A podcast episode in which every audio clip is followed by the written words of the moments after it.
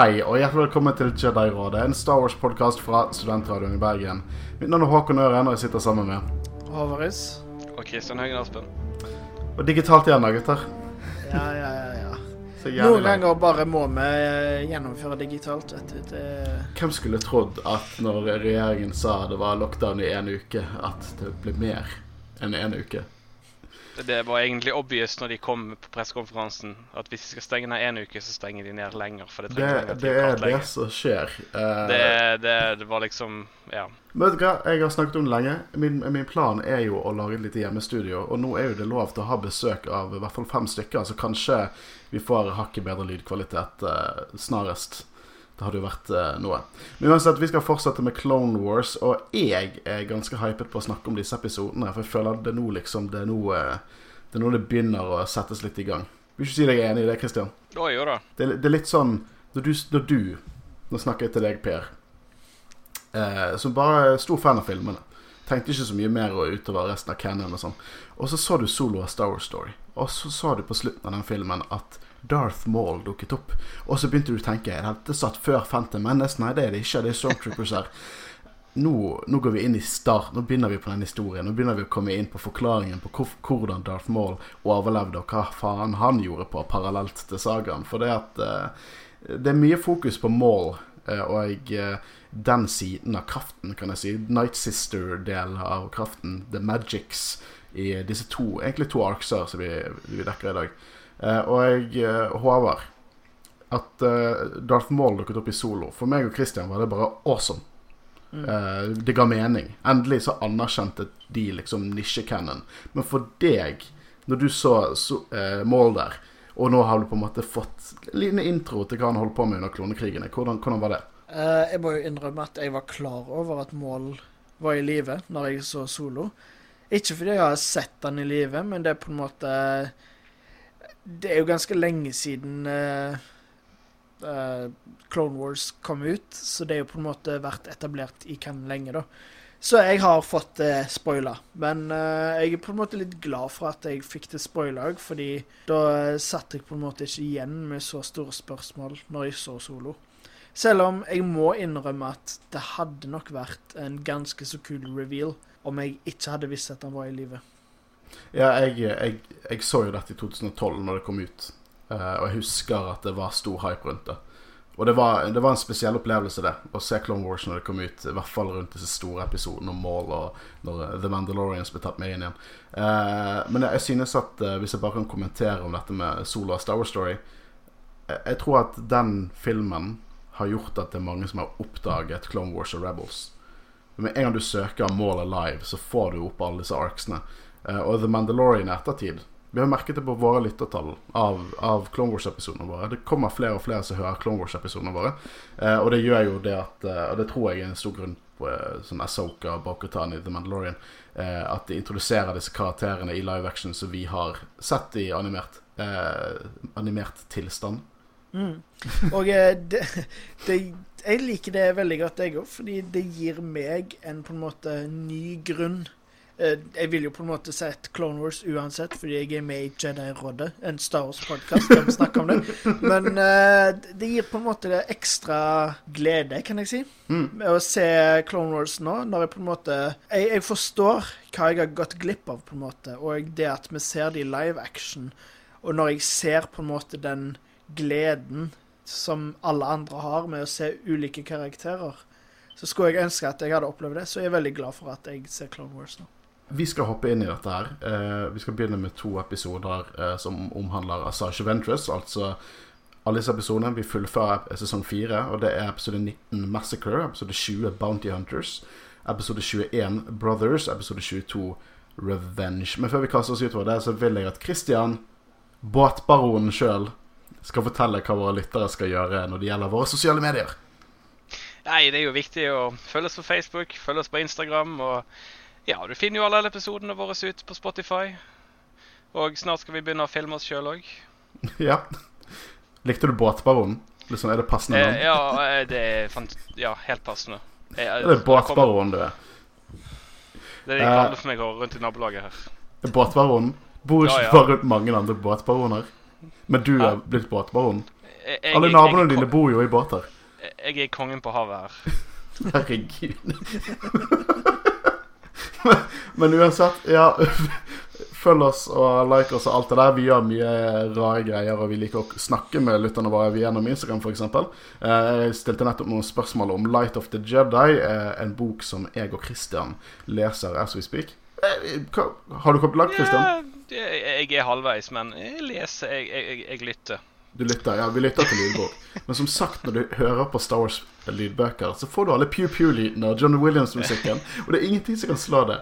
Men uansett, vi skal dekke den boken, og det er en helt ny æra, så jeg er veldig hypet over å, å snakke om det senere. Da. For da, da skal vi snakke face to face, eh, ikke, ikke gjennom webcams. Det, det blir en stor episode. Uansett, vi kommer til å spoile shit ut av episode 19 Massacre, episode 20 Bounty Hunters, episode 21 Brothers, episode 22 Revenge, der vi diskuterer de fire episodene jeg nettopp sa i denne episoden.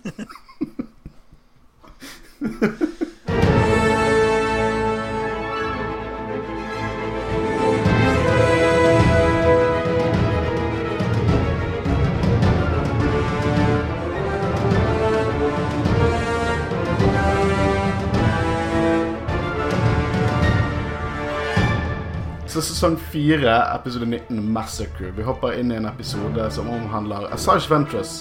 En av de mer uh, utviklede skurkene i uh, Clone Wars. Jeg synes at karakterutviklingen til den karakteren er ganske fascinerende.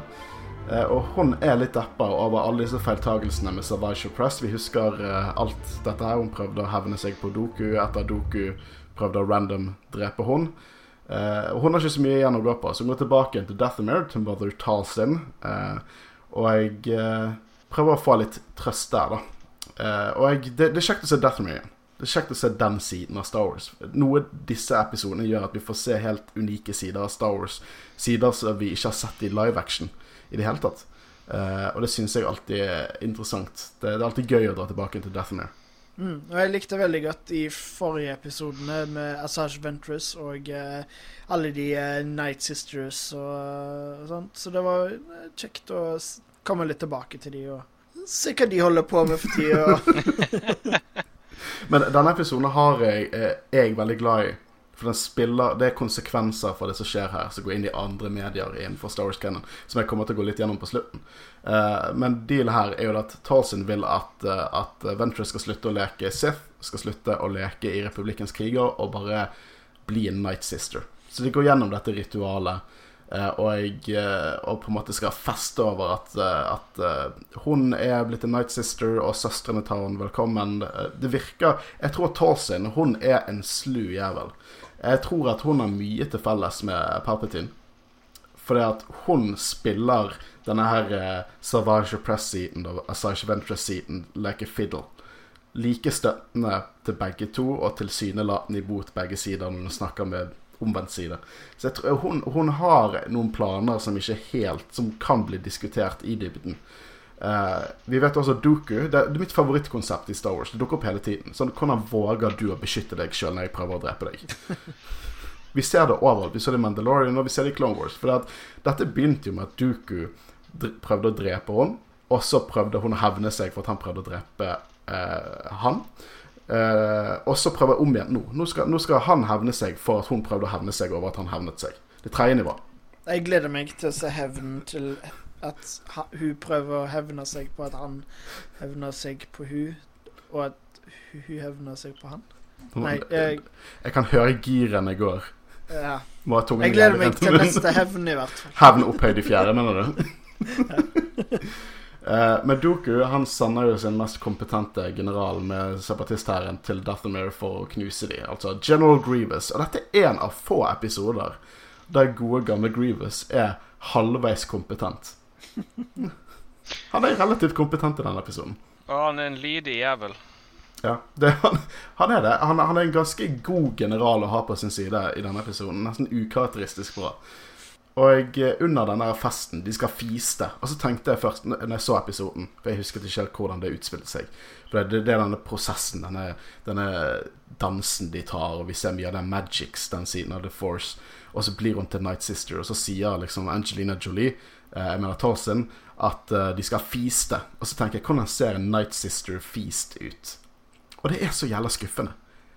De bare sitter er- rundt et bål. Ja, det er sju stykker der, eller noe sånt. hva, hva, forventer du? At de satt og spiste på noe veldig sånn her uh... Jeg forventer at de En, en bankett, eh, liksom stor fest med flere hundre folk, og liksom Bare masse fullt av, fullt av sånn boytoys fra landsbyen til mål ble sendt inn, sånne ting.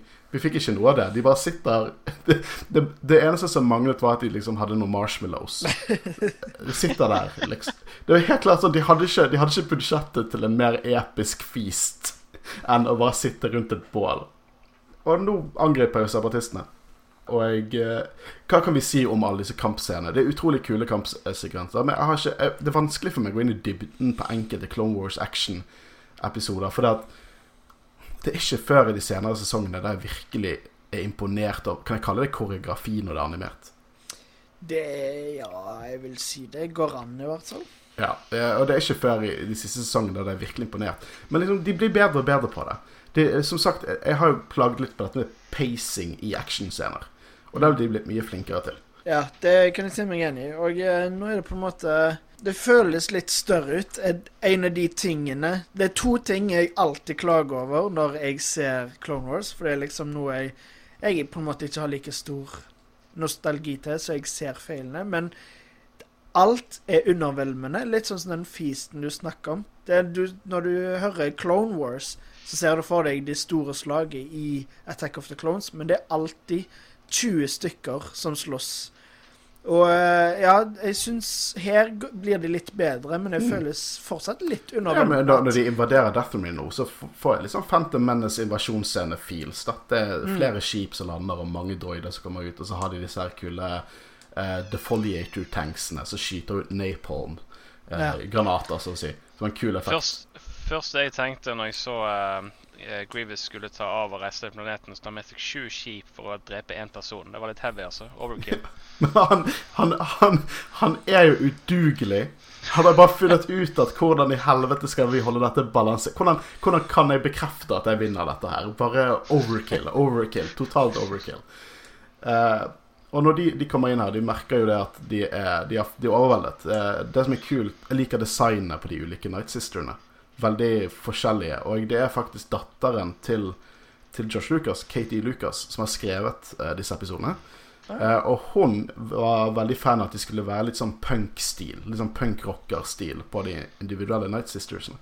Så du ser liksom noen som er sånn shavet på halve hodet, noen har en total mohawk, liksom. Så jeg liker designet på de. Kan jeg bare si én ting om Massage Ventress? Jeg liker karakteren veldig godt. Jeg, jeg syns hun er utrolig interessant. Hater stemmen hennes. Er som å høre på en kråke. Jeg takler det ikke.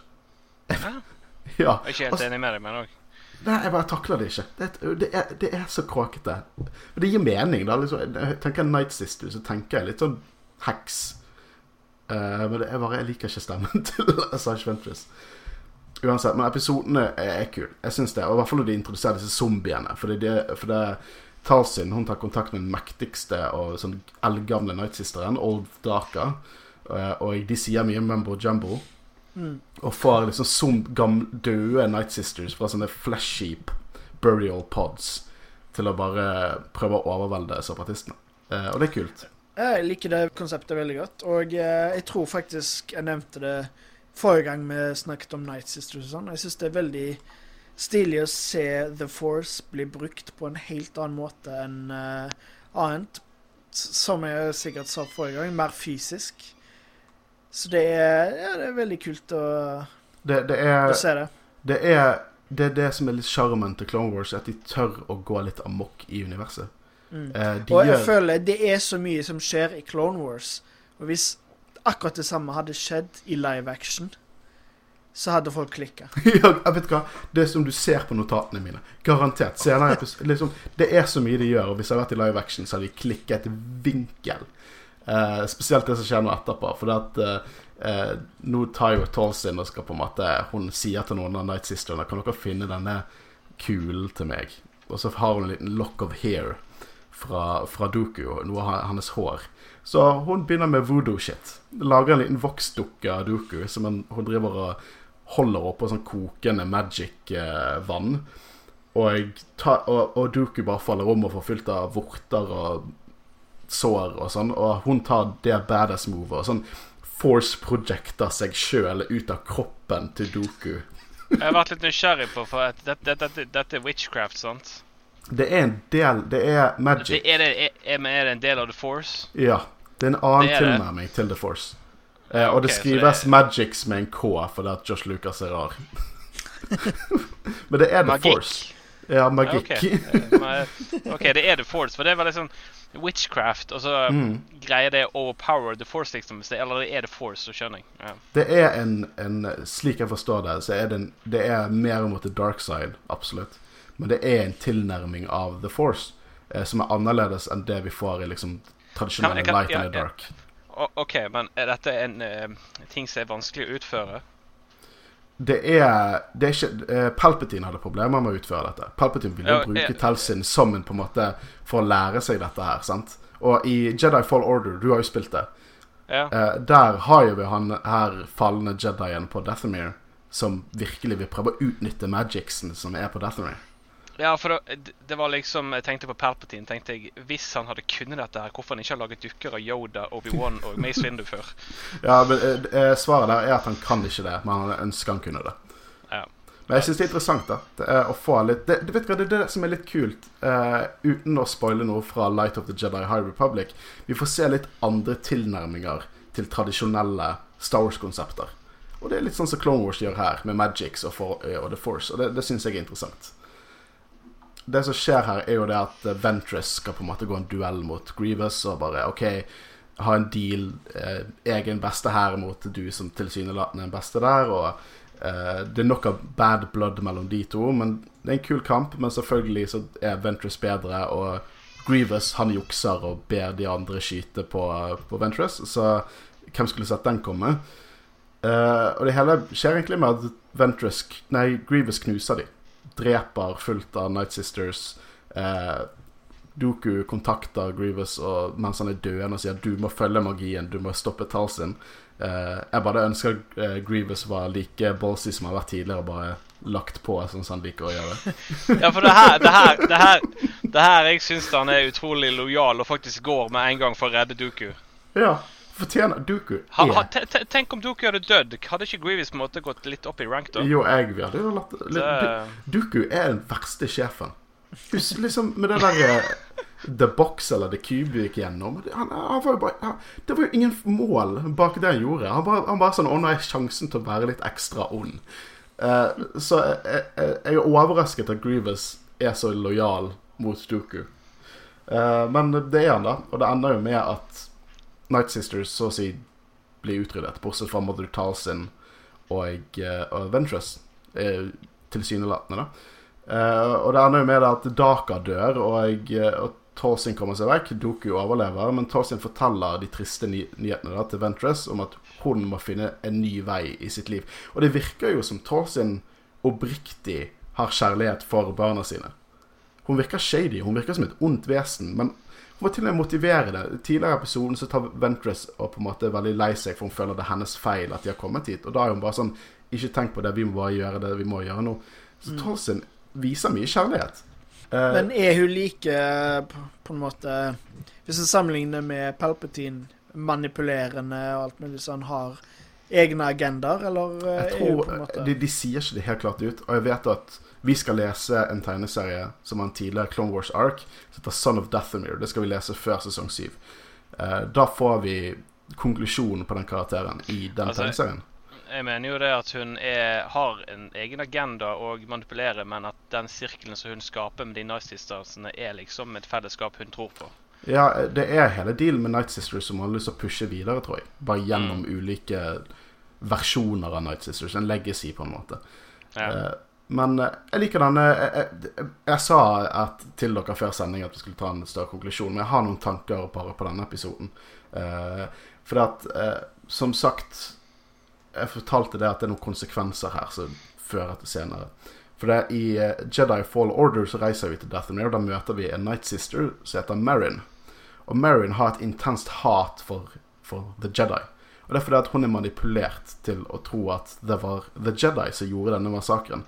For det hun sier i det spillet, er at hun husker at en, en, et individ dekket av rustning kom og drepte søstrene hennes. Og hun snakker jo selvfølgelig indirekte om Grievous der. Uh, og det er kult. Det, det, det er på en måte en av de der oh shit-øyeblikkene i eh, Jedi Fall Order, når du bare møter en Night Sister, og de bare direkte refererer til noe som skjedde i denne episoden av Clone Wars. Og det synes jeg det, det, det er på en måte Det er essensen av hvorfor jeg elsker canon. Når sånne ting skjer. Når du bare mm. svetter litt fordi at det er så awesome. Vi hopper rett videre til Bounty Hunters. Eh, Ventress dukker opp på Tatooine, skal drikke vekk eh, sorgene sine. Jeg likte kantinamusikken her. Det var en nice touch, syns jeg. Og så er det også noen awesome sånne der, eh, jævlig teite sitater. Eh, sånn som What does a pretty bald babe like you doing in a desert like this? Det er på Tatooine, sant? Det er på Eller er det Det er Tatooine. Eh, og Ventress dreper denne personen som skal sjekke henne opp, og eh, sier at hun er ikke hun er ikke She's not much of a talker, så begynner alle å le. Jeg merker at Jeg liker det. Seriøst. Eh, Clone Wars blir mørkere og mørkere, men av og til er det litt edgy. Skjønner dere hva jeg mener? Ja. Du prøver litt hardt. Uh, og vi får se noen kjente ansikt. Bosker er der. Han bestiller en drink til Ventress, og det viser seg sånn at uh, hun nettopp drepte en uh, dusørjeger på deres crew. Og eh, han aggressivt tilbyr henne en jobb. Og han sitter der sammen med Let's Razzie, som også er en dusørjeger som kommer til å ha en, en rolle senere i Clone Wars. Så de introduserer et par eh, karakterer. Husker dere også Embo? Eh, han der eh, med den der eh, rishatten. Han går forbi dem, og da ser vi den hønen som jeg snakket om. Eh, Maruk, som er en sånn Anuba, som vi også så i Citadel-episoden. Og Dengar. Og dere vet hvem Dengar er? Nå vet jeg veldig godt hvem Dengar er. Spilt av Simon Pegg. Ah, er det Simon Pegg, ja? Ja, ja, ja. Og det er gøy. Det eneste er at uh, de går Jeg må, høre det, jeg må se den episoden på ny, for det klarte jeg ikke å høre. ja, men Han er veldig flink til å endre på stemmen sin. Han er veldig Han er sånn Han er australsk, nesten. Så han har eh, Så han er flere karakterer i Star Wars-universet, Ja? Unkar Plutt og, og, og Dengar. Og, og det, det, det jeg husker når jeg så denne episoden, for Dengar i originaltrilogien Jeg husker det var noe Legends-materiale der om at han var så skadet, og, og derfor hadde han på seg disse bandasjene. Men nå ser det ut som det er mer så kulturelt plagg, med masse symboler og sånn rundt omkring. Eh, det er jo eh, noe mer bak Legends-forklaringen på han, sånn som i Rise of Skywalker, når uh, vi mest sannsynlig har Dengar i kantinaen der som har gjort så mye endringer på kroppen sin og blitt helt fucket. Men mer om det når vi snakker om uh, Rise of Skywalker, ikke sant, eh, Christian? -hmm. Det viser seg at sjefen deres er ingen andre enn Boba Fett. eh, med en jævlig kul droid en, som heter C21 Highsinger. Og det som er kult med han, bortsett fra designer og lyddesigner, awesome, jeg syns han er dritkul, er at han skulle ha en større rolle i spillet Star Wars 1313, som aldri kom ut. Du bare måtte minne meg på det spillet. Det er et trist smilefjes i, i notatene mine bak det. Eh, og eh, han skal på en måte spille tough guy, da. Eh, noe som ikke fungerer på Ventress, eh, fordi han er et barn. Men hun blir med uansett. Eh, og det er kult. Få litt mer innsikt eh, bak Bobafett. Eh, og jeg, Ventress prøver på noe helt annet. Eh, jeg liker konseptet med at en Force-bruker blir en uh, dusørjeger. På en måte kombinerer to av de kulere aspektene med universet. Eh, og husker dere at jeg snakket om Bosk sitt skip, The Houndstooth? Nå får vi faktisk se det. Holdt på å si live action, men nå får vi faktisk se det. Eh, og det som er kult, da eh, Jeg synes det er veldig kult Fordi de går på denne stasjonen over planeten Corsight. Og eh, det eh, atmosfæren har så stort trykk at hvis de tok et skip inn i atmosfæren, så ville det bare implode med en gang. Så de må bruke eh, undergrunns-railways under planeten. For Betyr det at alle som bor på planeten, bor under bakken? Eller er det en det. Eller er kanskje en rase som på en Men måte den, har ok, men den rasen der, belugaen Nå har ikke jeg lest så mye opp til det, men det kan godt hende at de Fordi de virker veldig squishy. Eh, så det kan jo hende at det er en rase som takler å bo under stortrykk. Men de bruker jo disse railwaysene sjøl, og det palasset i slutten av episoden er jo fortsatt under bakken. Men uansett, det er veldig kult. Det er ikke ofte vi ser sånne alien-planeter i Star Wars. Det er som regel som det mest alien er bare her er det mye lava. Eh, og det, det er kult. Eh, og de møter han der eh, major Rigosso og forteller at hans herre Otua Blank Det er mange Star Wars-navn her. Eh, de skal beskytte en pakke med noe verdifullt fra tilsynelatende marauders eller pirater som driver og angriper disse transportene. Og det er på en måte hele dealen her, da. Hva synes dere så langt? Ja, jeg syns det jeg, Når jeg så neste episode, så forventa jeg nesten ikke at vi skulle se Ventress med en gang. Det var litt Eh, konkluderende episode, den første. Ja, jeg følte nesten det. Eh, men eh, det var kult at hun får en litt større rolle, da. At hun faktisk blir en del av playerne i serien, på en måte. At det følger hennes historie òg. Og det er òg litt selvfølgelig kjekt å se mer av Boba Fett. Det er kult ny lukt, da. Du Mm. merker at han, han begynner gradvis å bli mer Boba Fett. Eh, han har også liksom blasterne til faren og har en kul ny hjelm. og litt sånn forskjellig Han er fortsatt barne-Boba Fett, som jeg ikke er så sykt stor fan av. Men jeg setter noen frø Vet du hva, jeg har Kan hende at jeg, jeg, jeg griper etter strå her, men han setter et par spor eller frø for, som gjør at jeg kan kanskje spekulere litt hva vi kommer til å se i The Book of Boba Fett. Som Men jeg jeg skal snakke litt om forstår, senere. eh, jeg forstår hvorfor Ventress ikke tar han seriøst. Ja, jeg hadde ikke tatt det seriøst. Hvor gammel er han, da? Hva, tolv? Skal være denne badass duden. Her kommer Bosk, liksom, en Tra- Trandoshan, en av de mer, mest fryktede rasene i seg sjøl, og så er han en dusørjeger. Og han har et rykte på seg også. Og, og så bare er det den lille guttungen som styrer de. Jeg hadde ikke klart å ta det seriøst, jeg heller. Hva er det Bobafett har som gjør at de følger han bare sånn Jeg, jeg vet han har vil egentlig si at det eneste han har, er legacyen til faren. Ja, han har fettnavnet. Det, den kjøper jeg. Han har Det fett. Det er fett, det. Det Eh, Uansett. Vi får et lite innblikk på disse maraudersene. Ninjaer på store bilder. Det er den beste forklaringen jeg kan komme med. Uh, og det, Noe som er, er veldig kult i disse episodene, er at det er veldig kult filmet. hvis kan si Det sånn, det, er, det er et sånn tracking shot gjennom dette toget, der du ser hva alle de sørjegerne skal beskytte. Og, og Ventress og Dengar de avsluttes med at de er liksom på halen av skipet. Eh, helt til de blir angrepet. Eh, og eh, hva er det å si? Dengar sier Podo når han fall, faller av. Ja, Én etter én så er det flere og flere som uh, detter av. Og det er på en måte Det er en kul uh, actionscene her, og det får oss virkelig til å tro at de er faktisk bad guys, de de slåss mot. Mm. Eh, fordi de virker onde, de er brutale. De ser onde sånn. ut. De ser veldig onde ut. Mm. Men det viser jo seg at de ikke er onde. Men det kommer jo til videre. Vi ser det at, eh, at han er lederen av piratene. Han dreper han Ri- Rigosso, og så er det han mot uh, Bobafett. Og det viser seg at de ikke er pirater i det hele tatt. For en ung jente faller ut av kisten, og Bobafett er til unnsetning helt til de slår han ut. Og dette viser seg å være søsteren til denne piratlederen. Eller han er ikke piratleder, han er en fyr som heter Chrismo, og det er en jente som heter Pluma Sodi. Jeg sa det med mange navn her. Eh, og Ventress kommer inn og snakker om at denne jenten er verdt mye penger. Uh, og Ventress kicker assen deres og fortsetter med jobben. Uh, og du merker at hun Pluma kommer inn i hodet til Ventress, for de har en lignende historie. Ung ble tatt vekk, revet vekk fra familien sin, og, og Ventress, tror du det eller ei, hun har et hjerte. Eh, og jeg eh, begynner å krangle litt med Bobafett eh, om, om hvordan de skal fordele pengene, for hun mener hun fortjener mer. Hun hadde ikke gjort det bra hos The Guild i The Mandalorian, for å si det sånn. Og jeg begynner å kvele Bobafett. Hun, har mye makt. Hun, hun er en skremmende karakter. Jeg hadde vært redd henne. Det avsluttes jo det med at eh, de kommer til palasset til Otua Blank, som skal ha den lille jenten som en hustru. Og det er litt icky. Det er litt icky. Når jeg så episoden, så tror jeg jeg sa høyt liksom æsj. Fordi det Ja. er Det er ekkelt. Veldig ekkelt. Det er enda mer, det er enda mer ekkelt enn Jabba the Hutt og Slave Leia. Det, det var ikke. Uh, og eh, Ventress får pengene og stikker. Uh, I kisten ligger selvfølgelig Boba Fett.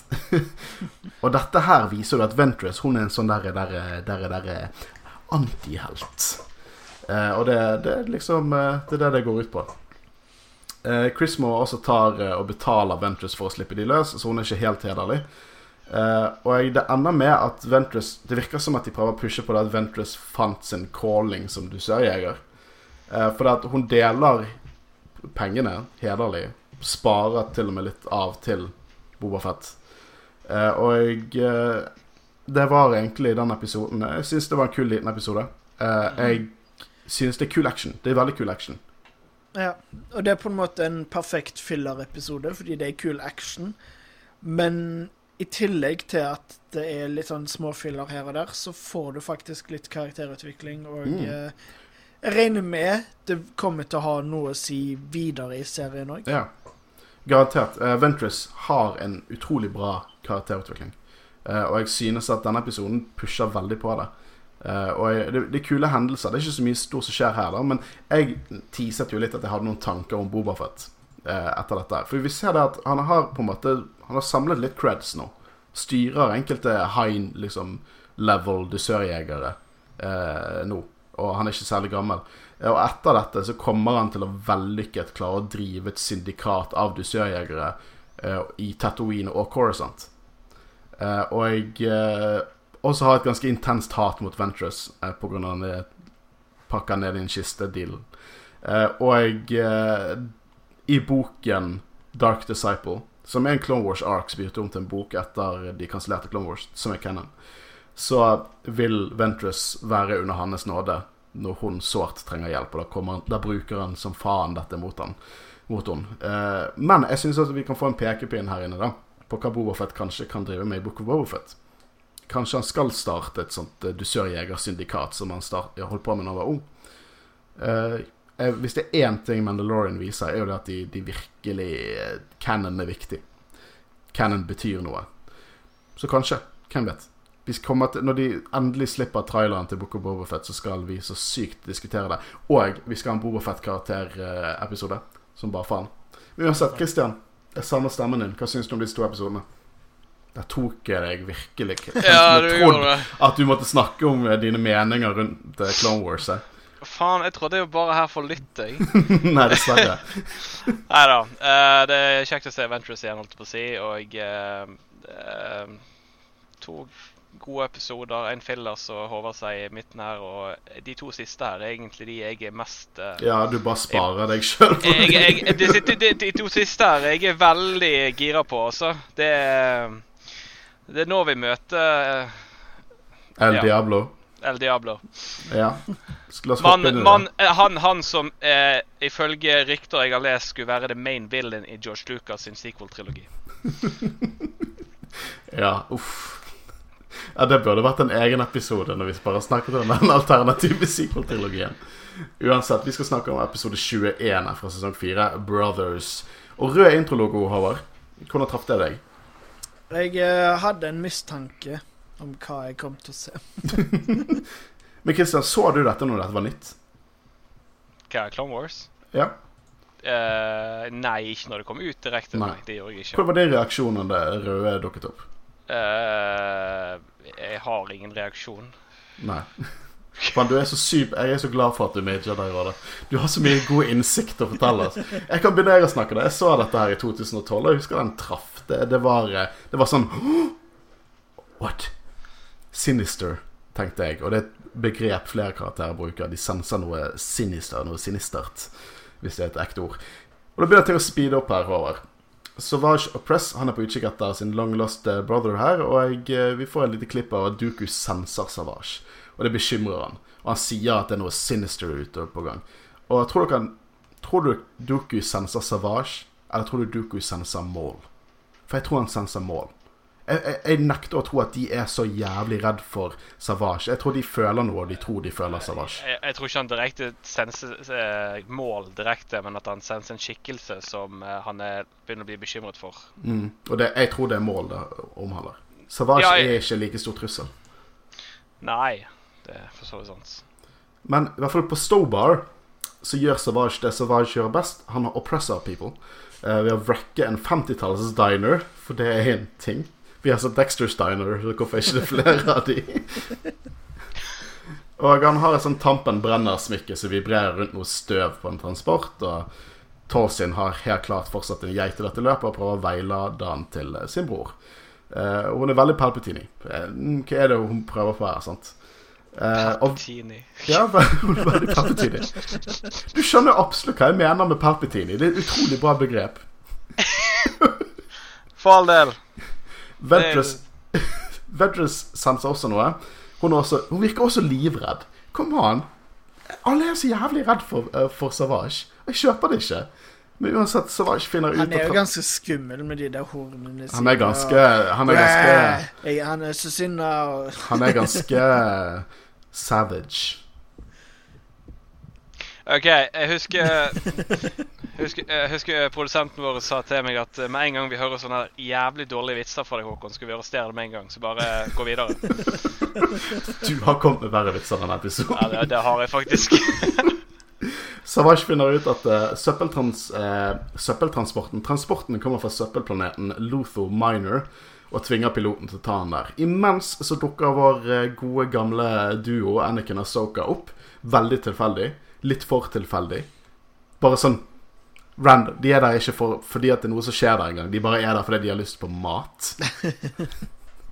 Well, a man's gotta eat. Ja, men hvorfor er de Det er bare så det, det, og sånn, og så kan man, Ok, dette er noe med The Force og The Force bringt sammen, men de har jo ingenting med hverandre å gjøre.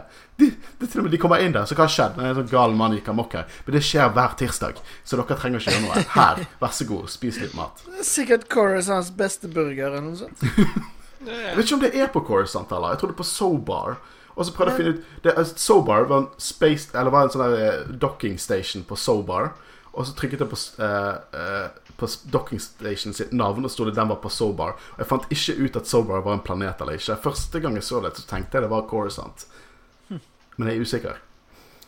Jeg vet ikke alt, dessverre, Christian. Ikke se på meg sånn. Vet du hva? Eh, retninga jeg ser, er helt fucket siden kameraet er der nede. Så jeg ser ikke på deg. Jeg elsker litt sånn metakommentarer, som at folk kan se oss. Men uansett, jeg tror eneste grunnen til at vi har Anakin og Asoka med i denne episoden, for de er bare med her, er det at Anakin han senser noe Hva tror dere han senser? Noe sinister igjen. Eh, og han sier det no føles også kjent. Og det er garantert bare fordi at noen Phantom Menace-referanser. Han kjenner noe kjent, og det er sikkert den følelsen han hadde sist gang eh, under invasjonen av Naboo, eh, da han opplevde, i hvert fall delvis, eh, Maul. For det, det, er veldig, det er veldig en sequel til Phantom Menace, denne episoden. Mye, eller disse to episodene. Mye referanser til hva som skjer der, naturligvis. Og vi hopper over til Lothar Minor. Eh, Savage han eh, kaster ut piloten sin og fortsetter jakten alene. Og han minner meg litt om Kratos fra God of War-spelet. Ikke fra nyeste God of War, men fra liksom originaltrilogien. av God of War. Eh, jeg lo fordi jeg sa originaltrilogien. men for der, i de spillene så er Kratos Han er bare en stor kjøttbeist og er veldig opptatt av hevn og sine ting. Og så er alt andre vesener og individer er bare ingenting for han. Det, det betyr ingenting, har ingen konsekvens. Og det, han minner meg litt om Kratos fra de spillene, når Kratos bare er en skurk. Uh, så det, det passer designet, i hvert fall. Og Morley. Jævla Morley. Fuck Morley. Morley bare suger. Han suger. For drittkarakter. Holy shit. Han ødelegger nesten denne episoden for meg. Jeg skjønner veldig godt hvorfor han er der. Jeg skjønner dette konseptet. Han er Gollum som skal føre Frodo inn i Shelob sin, sin hule. Jeg skjønner det, liksom. Han skal være en patetisk karakter. Men det er sånn, han er en slange i rase som heter Anakondaen. Det heter rasen, det. Ja, Anakondaen. Og så er det bare sånn So, what you looking for? Å, jeg hater han. Jeg er så grusom. Jeg så til og med behind the scenes, der, der han som spiller eh, Savage Press, hadde med sønnen sin inn, som stor Clone Wars-fan. Og så hadde han gått opp til, eh, til Dave Filone og sagt sånn Jævlig kul episode. Morally suger. Ja, eh, det er på en måte Sånne ting i Star Wars, Clone Wars, som jeg føler der de liksom ah, Det tar meg litt ut det. Han, det, han er han, Jeg sa Palpatini tidligere. Han her er Georgia Bingsy. Ja. Den, den, den ser jeg, men jeg skal innrømme at han ikke plager meg like mye som dere. Men det Men hvordan han snakker Han snakker jo som en tenåringsjente. Og så er det en slange som skal hjelpe. Kanskje det var det de gikk for? Ja, men hvorfor det, Jeg skjønner ikke, for av og til i Clone Wars så klarer ikke de, de, klarer ikke, de klarer ikke å stoppe seg sjøl. De må ta inn sånne små elementer, sånn at det blir litt bittersøtt. Jeg hater Morley. Jævla Morley. Men uansett, uh, Savage har problemer med duppeditten sin når Morley skal liksom hjelpe han. Og han snakker om noe, noe levende. En, en, horned man som drar levende vesen ned i hulen sin, og som ikke kommer opp igjen. Og så, det, og så leter du etter han. Så han skal lede han til han. ja. og det er kult design her. Det, disse firebreathers på den søppelplaneten, og uh, junkers som er aggressive senere, og sånn syreregn. Det minner meg har dere, dere har spilt Force Unleashed? Du Christian, har fått spilt Force Unleashed. Begge to. Mm. Minner ikke dette litt om den Raxus Prime-planeten fra eneren? Med de her søppeldingene og sånne ting? OK, gi meg litt uh, mer Altså, jeg har ikke spilt de spillene siden de kom ut. OK, men de gjør det, Christian. De gjør det. Snakk om å teste hukommelsen min. Har ikke du researchet Force Unleashed når vi snakker om uh, Clone Wars? Nei. Uansett, Morley er helt klart ikke ute etter velværet til Savage, og ender med at han lurer Han faller ned i en hule og så sånn 'Å, jeg skal spise resten av deg etter min mester har spist deg opp'. Uh, og det er kule sekvenser inni hulen. Jeg nevnte jo litt Ringenes herre tidligere. Det er veldig Ringenes herre-filt. Det, det, er Frodo som går og kiler opp sin hule her, uh, med en eller annen edderkoppskikkelse i bakgrunnen. Og dette viser seg å være mål med som har erstattet beina sine med noe edderkopp, mekanisk eh, kropp. Og jeg, jeg, er ikke interessert i hva jeg har å si her. Og jeg er ikke interessert i hva du har å si her, Christian. Du har snakket nok denne episoden. Jeg vil høre Håvard sin reaksjon når du så mål i denne tilstanden. Jeg regner med at det var litt omvendt. Du vil ikke høre Håvard, men vil høre min mening om Nei, nei, nei. Jeg vil høre din mening etter Håvard sin. Håvard hvorfor det? Hvorfor, hvorfor, men hvorfor kan ikke du høre min mening om Mål sine seks bein først, eller var det fem? Det, det er edderkopper det er sikkert seks Eller hvor mange bein har edderkopper? Er det seks Er det åtte? Er ikke åtte edderkopper her? Jeg føler Men, vi faller av temaet her. Ja, ja, jeg, jeg, dette er første gang Håvard har sett det. Beklager, beklager, Håvard. Jeg bare tenkte jeg skulle kødde litt, så take it away, Håvard. Take it away. Um, jeg ble ikke overraska over at det var mål vi så. Det var jeg jo oh, helt helt sikker på, men Hvis du skal si 'over det mål' nå, Christian eh, Nei, nei, nei. nei. men at det var Spider-Mall, det var ikke forventa. Nei, det var det, det var, ja, men det var det jeg trodde du skulle si i starten. Trodde Du si Du er ikke overraska av at du så han med åtte bein. Jeg skjønte ikke Spider-Mall. ja, jeg uh, Spider-Mall, Spider-Mall, does whatever a Spider-Mall does. jeg føler nå, nå, nå har vi peaket som podkast. Vi begynner bare random synge. Nei, vi gjorde det da vi var full under julespesial. Det var jo også litt synging. Ja, ja. Thanks for the reminder. Denne var finere. Um, du er jo edru når du synger nå, forhåpentligvis. Så det, det var betraktelig bedre. Men ja. får, det er her vi blir introdusert til det jeg nesten har lyst til å si er den mest minnesrike opptreden i Clone Wars. Sam Whitwer sin Darth Maul. Eh, og det er jo såpass Det blir så bra, og det er så bra. Og, og det er jo samme fyr som har stemmen til Maul i Solo og Star Wars Story. Det er Maul sin stemme. Det var, når jeg så Solo, det var når jeg hørte stemmen, jeg bare visste hvem det var. Men det er vel Er det han Ray Parker Han heter han som spiller han i live action? Ray Parker. Ja. Har han stemmen til han òg? Han har aldri hatt uh, stemmen hans. Ok, Men er det samme som uh, har stemmen i Clone Wars som i Phantom Menace? Nei. Uh, det er en, det er, han har kun hatt han i Phantom Menace. Han var, med, han var en av de der, vakt, han, de der vaktene i første Guardians of the Galaxy. Han seriøse soldaten der. Jeg husker ikke navnet hans, men vet, dere vet kanskje hva vi mener. I hvert fall Han har en mer evilly stemme, som Josh Lucas setter mer pris på. Eh, og Han ga han det beryktede rådet i Phantom Menace da han sa sånn eh, Hvis du kan prøve å høres mer ond ut Å, ah, Georgie. Jeg, regner med det var det han sa til David Prowse òg, når han Men uh... Ja, det funket ikke så bra. All respekt til uh, David Prowse. Ja, ja, Rest in peace. Fullstendig respekt. Det ligger en veldig fin dokumentar ute på Netflix, tror jeg. Mm. Men det vi får av målet, er at han virker ikke klar i hodet. Uh, det virker som at uh, det, det, er kult her. For det er, bare, det er bare hat som holdt han levende her.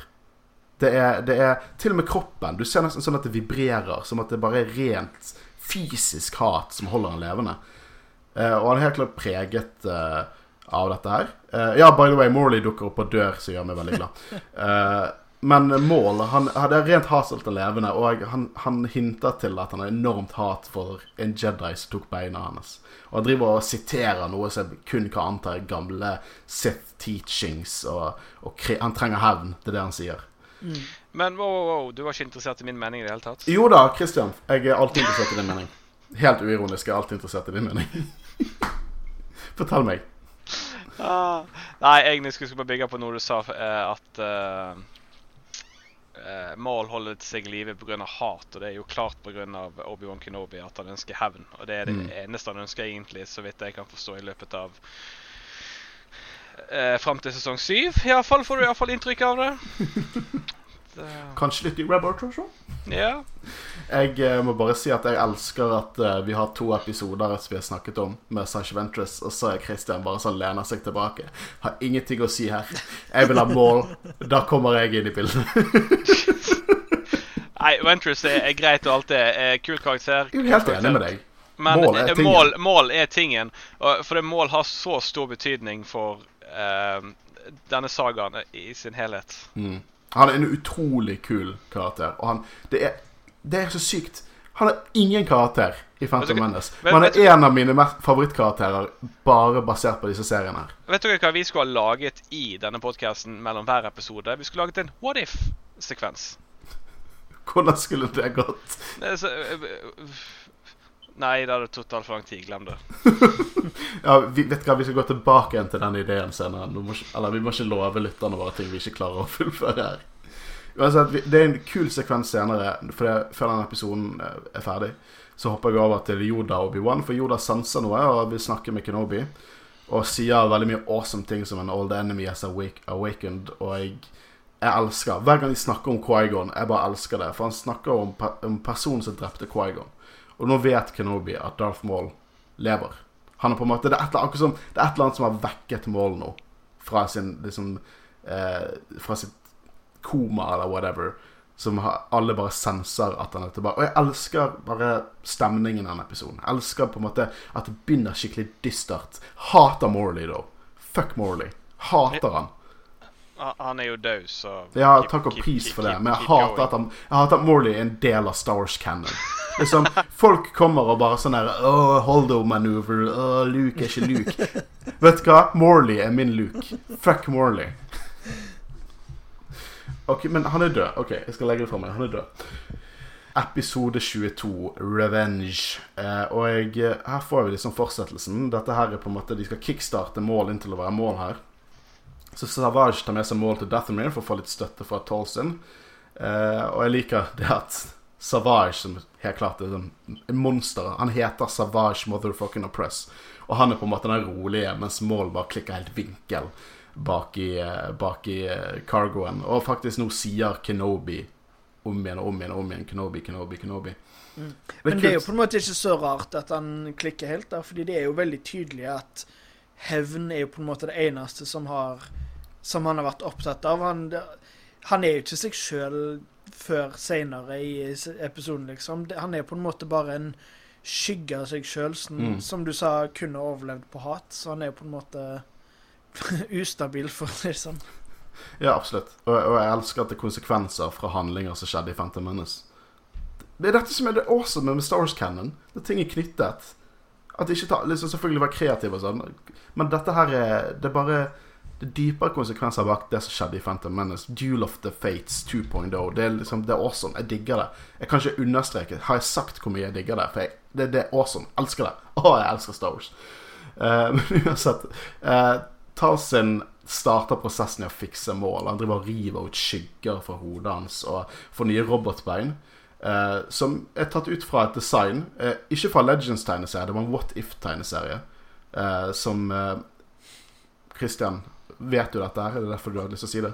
Nei, jeg bare hørte du sa what if, jeg, så jeg bare pekte. Han pekte på meg for jeg sa What If. Men denne What If-tegneserien heter Old Wounds, og det er der eh, Maul og Kenobi slåss på Tatooine. Og da har han sånne Hvordan skal vi klare de beina? Kangaroo legs. For det er kangaroo legs. Han kan løpe veldig fort, og de har på en måte flere ledd i de. Kangaroo Maul. Eh, og det er nå Maul våkner. Det er nå vi faktisk ser Maul, og det første han gjør, er å vise autoritet over Savage. Han sier med så, så mye sånn disgust i stemmen sin Brother. Og han er nå klar i hodet. Og det er veldig mye kul dialog for målet her, synes jeg. Han snakker om liksom det at hatet holdt han levende. eh, at liksom sjelen var levende, men kroppen var døende. Han snakker om at han har gått glipp av så sinnssykt mye, at kraften føles ubalansert. Husk det, Håvard. Husk at han sier at kraften føles ubalansert. For det kommer tilbake igjen. Du, jo, men Christian, jeg stoler på deg. Du har sett Clone Wars. du, vet, liksom, du vet Håvard er det dummy her. Det er han som ikke har sett Clone Wars. Må du gi deg dummy? Ja, liksom Det er sånn at jeg er Maul, du er Savage, og Håvard, han er Morley. Nei. Å, fy faen, den var, den var stygg. Ah, ikke kall meg Morley, please. Nei, jeg tar det tilbake. Det var faktisk Jeg fikk litt dårlig samvittighet der, faktisk. Det bør du. Morley er det verste. Men uh, så, sånn, i, sånn i dybden, de der beina han hadde, hadde holdt på å si, hvor fikk han de fra? Har vi noe dybde i det? Vet du hva, jeg eh, Jeg vet ikke annet enn at liksom Dave Filoni snakker litt om at det på en måte ser nesten ut som det var bare noe som hadde skjedd, at de på en måte bygde seg om. Og jeg tror at det er mye force-greier der. Sånn, for du ser jo det er biter som vibrerer nesten på overflaten. Jeg tror at det er en force-ting. At han bare holder seg. At det ikke nødvendigvis er noe mekanisk. At det er mer en liksom en force-struktur som holder metall sammen. Ja, for så vidt jeg husker, så ble han bare kutta på midten i Phantom Menace. Så hvis han bare hadde holdt magen sammen, så hadde han ikke trengt alle de beina. Du som bare tok vare på beina sine, mener du? ja. Jeg bare lurer på litt hvordan han går på do og sånn. Det ser ikke ut som han hadde liksom Det er jo litt ting som krever Man man må ha Ja, OK, jeg skal ikke gå inn på den. Nei. En, en, spesialepisode der vi snakker om sånn fysiske problemer for eh, Sith Lords som har blitt kuttet uh, enkelte steder. ja. Uh, men uh, eh, Savage forteller han liksom at klonekrigen er i gang, og Maul sier så det begynte uten meg. Og det bare, jeg fikk frysninger når jeg hørte det. Og han har helt klart litt mer innblikk i planen til Palpatine. Og han snakker om det som var skjebnen hans. Skjebnen var at han var, han var under det sterkeste vesenet i galaksen, som var Palpatine, og at Jedi frarøvet han hans skjebne til å være en del av planen hans. Eh, Så første steg på Arge- det er hevn. Og så kommer det nok sikkert noe mer, for han hinter til mye shit her. Og eh, det første de gjør, er at de drar til planeten Raidonia, der målet Savage eh, later som de er et supply-skip. Kan jeg bare legge til at uh, det der med at Maul vet mye om planene til Palpatine, eh, får meg òg til å tenke på at han egentlig hadde tenkt at Maul skulle være ved siden av han helt frem Mm. til Anakin var klar. Og det, det er litt kult. Og jeg tenker over at hva om han hadde vært der istedenfor Duku? Duku er jeg- kul, men Maul er kulere enn Duku. Ja, bare for det. garantert mål. Men jeg tror ikke han- Anakin var del av planen hans før han oppdaget Anakin. Nei. Jeg tror, jeg tror at det var mål. Mål skulle være mål. Mål skulle være andreplass. Det er en hel tegneserie om all treningen mål har gått under. Liksom eh, Palpatine har tatt med mål til planeten Malachor. Eh, og Christian, du har sett Rebels. De reiser til Malachor i slutten av sesong to av Rebels. Men uansett, for dere andre og Håvard, eh, som ikke vet så mye om Malachor, det var et stort slag mellom Sith og Jedi der. Eh, og det var et supervåpen som gikk av, så nesten sånn Pompeii-stil eh, stoppet tiden. Alt, folk ble til liksom levende statuer av støv og aske. Og jeg, eh, og jeg Palpatine har tatt med mål til den planeten, og der må han egentlig bare pustet inn støvet til utrolig mange døde Sith Lords for å bare absorbere hatet for The Jedi. Dette er liksom Dette, dette her er liksom the quarterback som har blitt, eh, blitt groomet til å være nummer to. Eh, så jeg, jeg, man kan skjønne hatet han har. Han er en ond dude. Liksom, målet er en ond dude. Men du skjønner, du skjønner at han er en sint, sint fyr. Det er, Jeg skjønner veldig godt. eh, Og eh, det er veldig kult å lære mer om han òg. Det er jo noe som på en måte har blitt eh, diskutert litt. Fordi i Phantom Menace så er han jo basically bare en, en badass bodyguard, Mm. omtrent. Han er der i ti minutter og ser dritkul ut, men han er jo ikke en karakter. Han er bare Ja. Eh, det, så han, det er veldig, han er veldig kult å I, ja, ja. det er veldig kult å liksom. se enda mer av han, så det liker jeg veldig godt at Star Wars gjør. Det er et konsept som jeg er veldig enig med deg i. For det, Maul før Clone Wars Han betydde ikke så mye. First of all, jeg var all over liksom kule rustninger og Mandalorians og sånn shit. Så hvis det skulle vært en karakter som ikke gjorde en dritt, men så awesome ut, så var ikke det Maul som traff, traff meg da jeg var yngre. Uh, men så hadde han nesten ingen karakter i den filmen. Og det er litt sånn Dette er kontroversielt av meg å si. For jeg husker når en av de største kontroversene rundt Star Wars var én Race it power-nivå. Det var i 2015. Og to at Kylo Ren tok av seg hjelmen. Det var de to største konfliktene Star Wars-fandom var i 2015-2016. Ja, det var gode tider. Ja, det var gode tider. Jeg ser tilbake på det med, med tårer i øyet. Men det som fort kunne skjedd med Kylo Ren, var at han bare ble en Darth Maul. Sant? Skulle være badass for badass sake, og så ikke så mye mer. Men så fikk han mer karakter, da, og jeg føler at det Clone Wars gjør, at han retroaktiv gjør oss for gjør oss bry oss mer om karakteren og like karakteren mer. For det, han er en utrolig kul karakter, og han har utrolig mye dybde. Så vi kommer til liksom bare Å, gled deg, Håvard. Seriøst, gled deg. Han er en av mine favorittkarakterer. Han, det, det, det er bare, han, han, nesten, han er nesten mer, en metakarakter, for han har så mye innsikt. Han er på en måte en Palpatine 2.0 i bakgrunnen. Eller en light Palpatine i bakgrunnen som på en måte ikke helt har sin egen agenda. da Så det, det, det, det er utrolig mye kult. Ja, og det, det merker du spesielt i sesong 7, holdt jeg på å si, når vi kommer dit. Um, faen. Jeg gleder meg jo òg til vi Vi skal dekke de episodene der uh, Mål treffer på uh, sjefen sin. Vi skal dekke alt av dette her. Alt som er viktig, skal vi dekke. Så bare Ja. stol på meg, Christian. Ja, nei, nei, nei, jeg, jeg bare lurte skal si nå? Skal jeg si noe alt med mål kommer vi til å dekke. For det er målet okay. awesome. Ja, Han er ikke Cad Bane. Da, da, da, Han er ikke Morley. da, da er vi der. Ja, da er vi enige. Men målet drar til Radonia, og han skal gjøre det som han mener er en sikker måte å få Jedi sin oppmerksomhet. Drepe uskyldige. Slakte de uskyldige. Mørke greier. Og Han sender en liten sånn terrorist-voice call, eller hologram-call, til Jedi-ordren, eh, til rådet, der han eh, kutter av hodene til eh, mange uskyldige mennesker. Dette er mørke greier. Vi hadde nettopp en karakter som het Morley. Ja, det, det er skikkelig Empire-oppførelse. Dette er ikke Du, sånn, du tenker dette er ikke en barneserie, så dukker Morley opp. Altså, neste episode skjer dette. ja, sant. Eh, og Kenobi han insisterer på at han må dra dit alene. Han må fullføre det han startet, og Yoda er enig med ham. Men så kommer Mace og er jo taktisk og u-Jedi-like og sier at å, vi må fange han levende hvis dette er Darth Maul, og, og Kenobi klarer ikke det alene. Men Yoda han går mer inn i gut, han går med The Force og sier at uh, stole på The Force. Dette er Kenobi sin reise å fullføre, og uh, han senser en usannsynlig, usannsynlig alliert ved denne ender opp i alt. Og jeg er så sint på Mace Windu. Ikke at han gjør den verste tingen her, men jeg har nettopp lest om Jedi i en, i en tid der de bare var awesome. Åpen. Bøyelig. Liksom ulike tilnærminger til The Force. Og følte du litt dark side der? Det er naturlig å være lei seg. Du er et menneske. Miss Windu er så anti-High Republic som finnes, og fuck den karakteren. Men jeg elsker at han er med i Star Wars. Han bare, han bare påpeker hvor fucka Jedi er.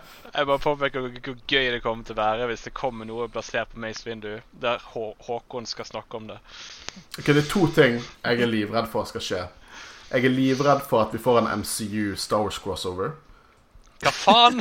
Vi kommer ikke til å få det. Vi kommer ikke Guardians of the Galaxy.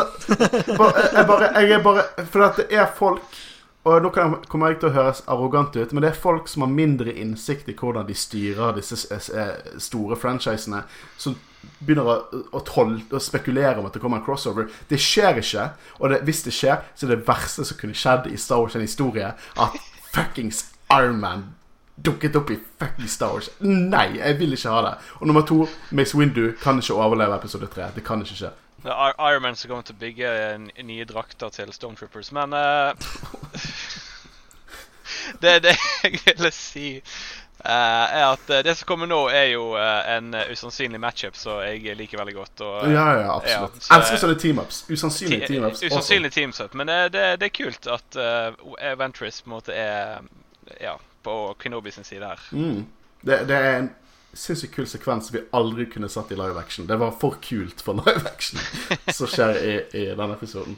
Eh, Vi hopper over til baren der eh, Ventress henger, og, og, eh, og så dukker Savage og Press opp på en sånn bounty board for en million credits, og hun tar den. Og imens så er Kenobi landet på Raidonia, ser at en landsby der med masse lik og smadret. Jeg liker den lille sekvensen med en sånn droide som bare klikker mot en vegg, og så tar Kenobi og stabiliserer den.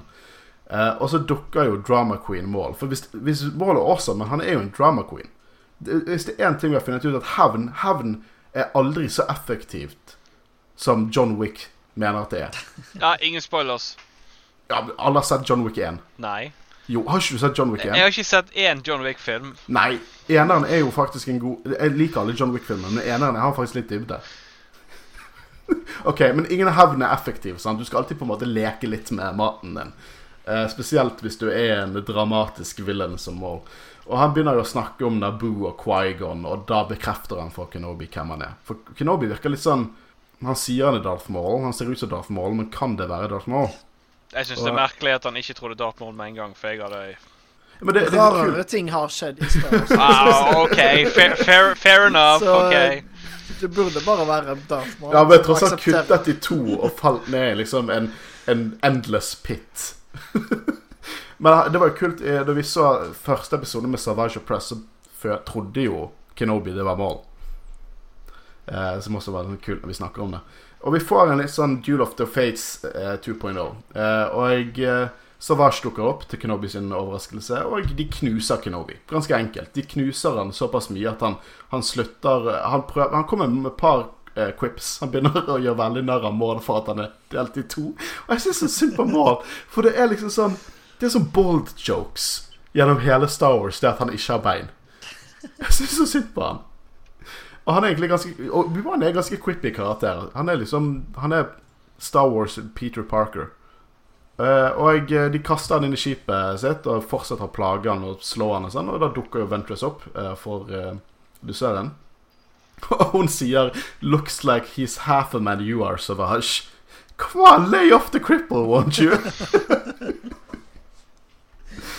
Eh, og de ter han, hun terger de såpass mye at de forlater Kenobi, og da blir det team up. Vi får uh, Ventress og Kenobi som holder hver sin røde lightsaber mot Savage Press og Darth Maul. Og uh, flørtingen deres fortsetter, og det er awesome. Jeg digger det. Jeg liker kommentaren 'Ready's not my color'. Det er veldig meta. Det er veldig kult. Det er en skikkelig kul sekvens. Jeg digger det. Mm. Ja, det var veldig uh, Veldig kul sekvens. Jeg likte den. Mm. veldig godt. Eh, elsker også alle disse øyeblikkene når det var referanser til Phantom Menace. Jeg digger det. Sånn eh, Mål er jo mot Kenobi nå og begynner å snakke om hvordan han slaktet mesteren hans og sånne ting. Og Kenobi virker ukarakteristisk ustabil. Det er helt klart at han bruker sinne her. Det er nesten Luke mot Vader i Return of the Jedi. Uh, og uh, det er interessant å se den siden av Obi-Wan, for Obi-Wan virker litt som erkejedien. Liksom, han som har kontroll, som regel. I hvert fall under klonekrigene. Og så når vi får episoder som med, som med, med kjæresten Satine, og når Maul begynner å ta opp Quaigon, det er utrolig fascinerende å få den siden av Kenobi også. Mm. Og, men disse to folkene er jo outmatched som faen. Uh, Ventress og Kenobi er, de klarer ikke å slå mot Maul og Sa- Savage. Noe jeg liker også veldig godt, at de er skumle skurker. De er ikke Grievous. Eh, så de kommer seg inn i cockpiten, og, som fungerer som en skateboard, og da begynner Maul å snakke om at han har ventet på hevn så mange år at dette kan vente litt lenger. Han har dypere planer som, vi, som er så awesome. Faen, jeg gleder meg til, å- til å snakke om dette her. Når vi begynner med Christian, når Maul begynner med sine politiske agendaer og sånne ting, det er jo så Å, that's a ten. Det er så bra. Jeg elsker det. Hva synes vi? Hva synes vi om disse to episodene? Eh, jeg liker det veldig godt. Uh, minus Morley. Jeg deler hatet. Men uh, ja, nei, det er veldig kjekt å se på en måte ting jeg har blitt fortalt om tidligere, da. Fordi gjennom flere anledninger så, så tror jeg vi til og med har nevnt mål i Jedi-rådet-episoder. Både ja, som sagt, jeg har vært klar over at mål eksisterte fortsatt, og jeg er veldig glad for at jeg endelig har fått sett nøyaktig hva som skjer, da. Jo, du har ikke sett noe ennå. Men han er jo tilbake, så noe Ja, han er tilbake. Du har ikke, men du har ikke sett noe. Det er ingenting i forhold til det vi kommer til å se. Men Christian, du er fan av dette. her Nå begynner vi å gå inn på det du liker utrolig godt med Clone Wars. Ah, ja. Men eh, kan, kan jeg bare begynne med Bare for sånn at han ikke skal føle seg dypt uh, såret, så vil jeg bare gi en heads her til Morley. Han fortjener litt, litt, litt, litt, litt, litt kreds her. Uh, han, uh, han gjorde nå oppgaven sin. Men eh, det, det jeg vil si, er Det er dritkult eh, å se mål, og dette er bare en smakebit av eh, karakteren hans vi ser videre i sesong 5, 6 og ikke minst 7. Jeg, bare, jeg, er enig med det du sier, Kristian. Maul er en utrolig fascinerende karakter. Og jeg liker veldig godt at de, de tar Phantom Menace, som er ikke en veldig elsket film. Uh, og jeg ser bare, bare understreker de, at det liksom her er konsekvenser, her er ting som betyr noe.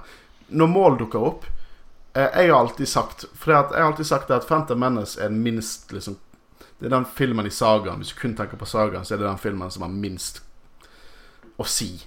Du kan forklare den filmen kortest. Det er derfor også i machete-cutten så hopper man over den. Fordi at de føler at man ikke trenger å se den. Man kan kun bare sånn forstå hva som har skjedd ut ifra å se de to andre filmene. Men hvis du tenker på hele universet, så er det jævlig viktig del av Star Wars. Og denne, disse episodene understreker hvor viktig Phantom Menace er. Hvor viktig, eh, hvor mye konsekvens, hva som skjer der, hvordan det spiller inn videre i universet. Og det elsker jeg. Hvis det er én ting som jeg er en stor forsvarer av, så er dette med retroaktiv nytelse. Jeg vet dere har hørt meg snakke om det tusen ganger før, men dette her er retroaktiv nytelse. Nå gjør du at Bare når du har sett denne episoden Jeg vedder på Håvard. Hvis du går tilbake og ser Phantom Menace, så kommer du til å se litt annerledes på de scenene med Molly. Eh, definitivt scenene med mål, ja, men jeg vil nok ikke se Nei, nei, nei. eh, annerledes på filmen i sin helhet. Men, Bare vent, eh, vent til det når vi kommer gjennom alt, så kommer du til å se mer, i hvert fall med alt med Quaigon. For Quaigon er som sagt den viktigste karakteren i hele Star Wars. Eh, I Skywalker-saga. Han er den viktigste karakteren. Det er ikke kødd engang. Og eh, la oss ikke disse Phantom Menace for mye, for dette er mange kule sekvenser i den filmen òg. Det er mye Morley-øyeblikk. Uansett, det var fantastisk å, å endelig komme, komme og, og, starte på det jeg mener er liksom kremen og iskremen som er Clone Wars. Jeg, jeg gleder meg som sagt så sinnssykt mye mer til å, å snakke om det. Og vi, til, vi er ferdig med sesong fire. Vi Ja. jo inn i sesong fem. Uh, vi sier at vi er over halvveis nå. Vi er, vi er, eh, det er 21 episoder, så vi har vel ni igjen å spille inn etter dette. Ja. Det blir bra. Forhåpentligvis blir flere av de i studio, der vi kan sitte face to face. Uansett. Vi har snakket om episode 19 Massacre, episode 20 Bounty Hunters, episode 21 Brothers og episode 22 Revenge, alle fra sesong 4. Og vi er offisielt ferdig med sesong 4. Eh, nå begynner vi snart på det beste. Som sagt, Christian, sosiale medier. Ja, det er viktig. Følg oss på Facebook, følg oss på Instagram. Skulle vi laget egen Snapchat, er det mulig? Nei, men uh, still. Der skal du få lov til å være sjef over. Men uh, ja, alle episodene våre ligger ute på Spotify, og vi håper du lytter. Og iTunes. Og der, Du hø der du hører podkaster, så å si. Ja. Uh, og eh, Håvard, har du noen siste kloke ord til våre lyttere før vi sier ha det for denne uken? Uh, nå satte du meg på det ja det, det, han gjør det. eh, Han gjør det veldig ofte, han der duden der. Kos dere med Star Wars og stay safe, I guess. Da overtar jeg det. I like it. Ikke vær en Morley. Oh. Min navn er Håkon Øren har sittet sammen med Håvard Rus, Kristian Aspen og vi har vært Jedi-rådet. Vi snakkes neste uke. Ha det bra. Ha det bra.